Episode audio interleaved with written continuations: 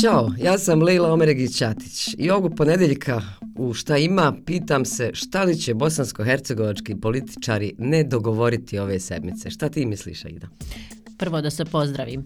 Ćao, ja sam Aida Đugum i nekako mislim da će sve biti isto kao i bilo koje prošle. Samo što je istekao rok za formiranje federalne vlade, a Christian Schmidt oštro poručio. This is the final call Ovo, budite sigurni, jeste zadnji poziv da se urazume.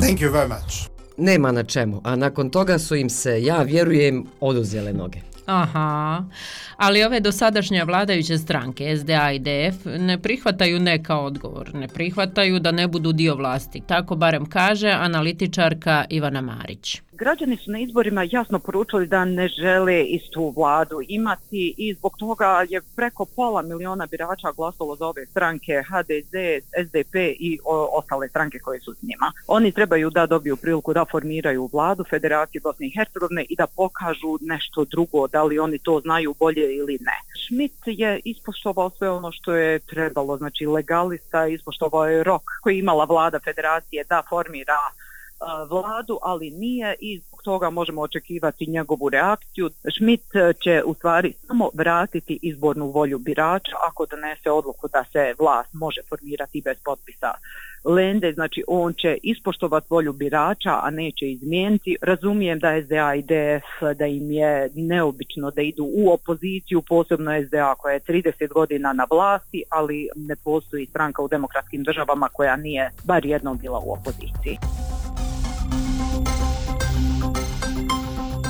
Ajda, Molim. znaš šta je bilo 10. aprila 1945. U, moja lelo, gdje ti ode?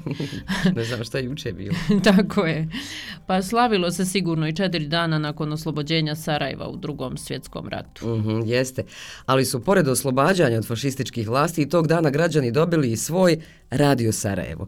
To je medij koji je decenijama bio voljen i živio u domovima svih građana i naroda i narodnosti Bosne i Hercegovine. Tako a treba. prve riječi, e, a prve riječi izgovorio je spiker Đorđe Lukić. Smrt fašizmu, sloboda narodu. Ovdje Radio Sarajevo. Zato si ti zvala radijskog maga Boru Kontića. Jeste.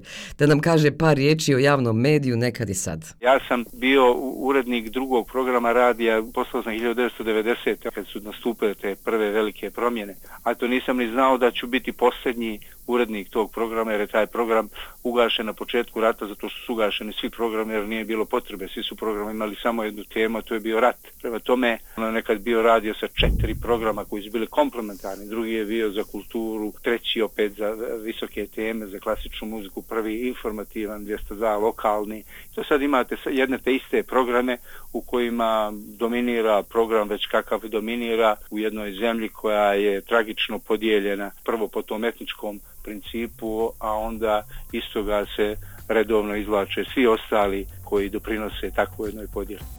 A ne mogu da odolim, a da ne pustimo i onaj drugi Borin dio. Čula sam ga šta kaže o tome zašto je radio poseban. Jest, hajde. Za mene, ona, ta tajna, tajni sastojak radija jeste da je to jedini maštoviti medij, jer je on jedini koji ne, ne nudi svojoj publici nikakvu sliku, ali svakom od svoje publike dozvoljava, odnosno on može da zamisli svoju sliku dok ga sluša.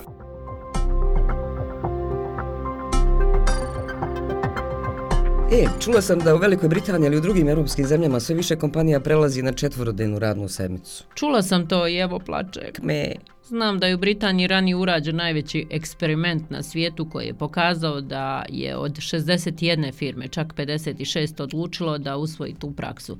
Znači, čim je to tako mora da su zadovoljni rezultatima. Joke to nisu. Pa izgleda i kompanije, a i zaposleni u najvećem broju.